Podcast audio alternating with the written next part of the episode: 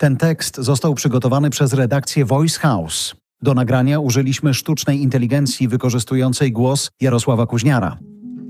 Ze studia Voice House specjalna seria podcastów Ukraine in Brief. Najnowsze wiadomości dotyczą 27 lutego 2023 roku.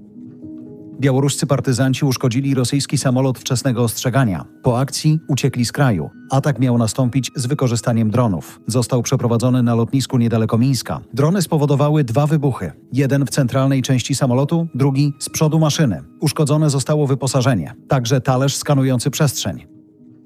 Rosjanie będą ślepi i głusi po uszkodzeniu A-50, mówi w dzienniku Rzeczpospolita generał Skrzypczak, były dowódca Wielonarodowej Dywizji Centrum Południe.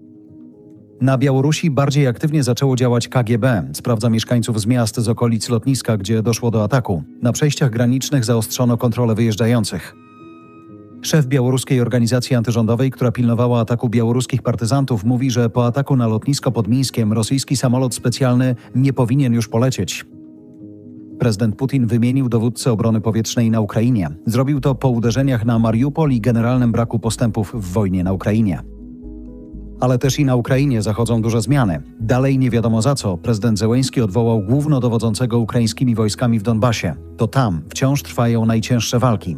Eksperci OSW sugerują, że odwołanie nastąpiło w szczególnie trudnym dla obrońców okresie. Akcje w obronie Bachmutu nic nie dają. W tym kontekście dymisję można postrzegać jako szukanie kozła ofiarnego w przypadku, gdyby doszło do upadku miasta.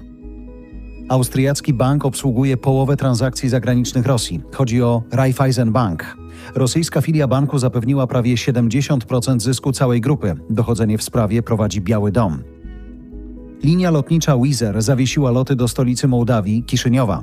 Chodzi o względy bezpieczeństwa przestrzeni powietrznej. Niedawno Mołdawia na kilka godzin zamknęła swoje niebo, żeby zbadać informacje o podejrzanym obiekcie latającym. Doszło do tego dzień po tym, jak władze w Kiszyniowie oskarżyły Rosję o planowanie przewrotu w Mołdawii. Ten tekst został przygotowany przez redakcję Voice House. Do nagrania użyliśmy sztucznej inteligencji wykorzystującej głos Jarosława Kuźniara.